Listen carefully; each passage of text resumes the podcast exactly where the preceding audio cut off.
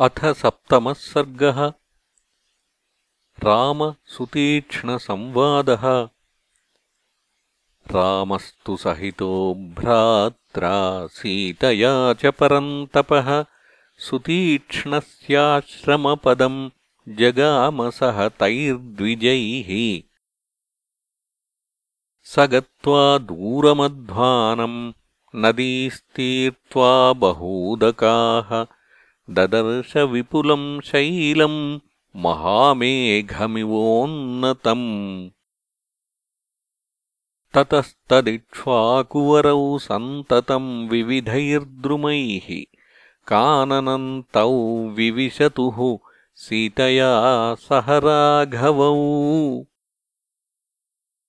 प्रविष्टस्तु वनम् घोरम् बहुपुष्पफलद्रुमम् ददर्शाश्रममेकान्ते चीरमालापरिष्कृतम्। तत्र तापसमासीनम् मलपङ्कजटाधरम्। रामः सुतीक्ष्णम् विधिवत् तपोवृद्धमभाषत। रामोऽहमस्मि भगवन् भवन्तम् द्रष्टुमागतः त्वम् माभिवदधर्मज्ञ महर्षे सत्यविक्रम। स निरीक्ष्य ततो वीरम् रामम् धर्मभृताम् वरम् समाश्लिष्य च बाहुभ्याम् इदम् वचनमब्रवीत्।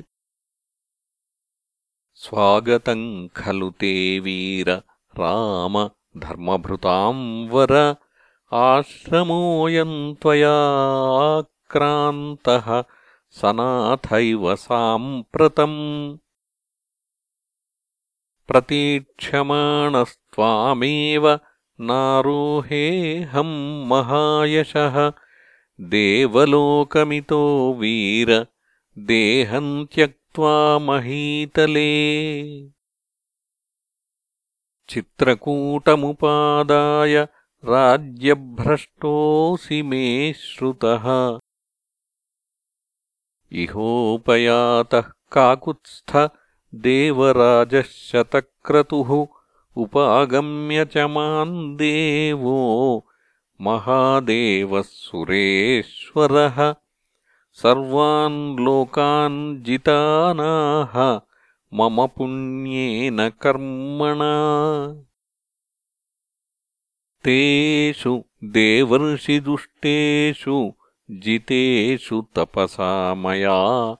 मत्प्रसादात् सभार्यस्त्वम् विहरस्व स लक्ष्मणः।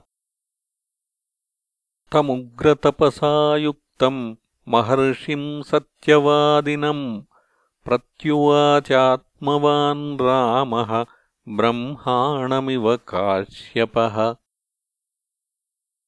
अहमेवाहरिष्यामि स्वयम् लोकान् महामुने आवासम् त्वहमिच्छामि प्रदिष्टमिह कानने। भवान् सर्वत्र कुशलः सर्वभूतहिते रतः आख्यातः शरभङ्गेण गौतमेन महात्मना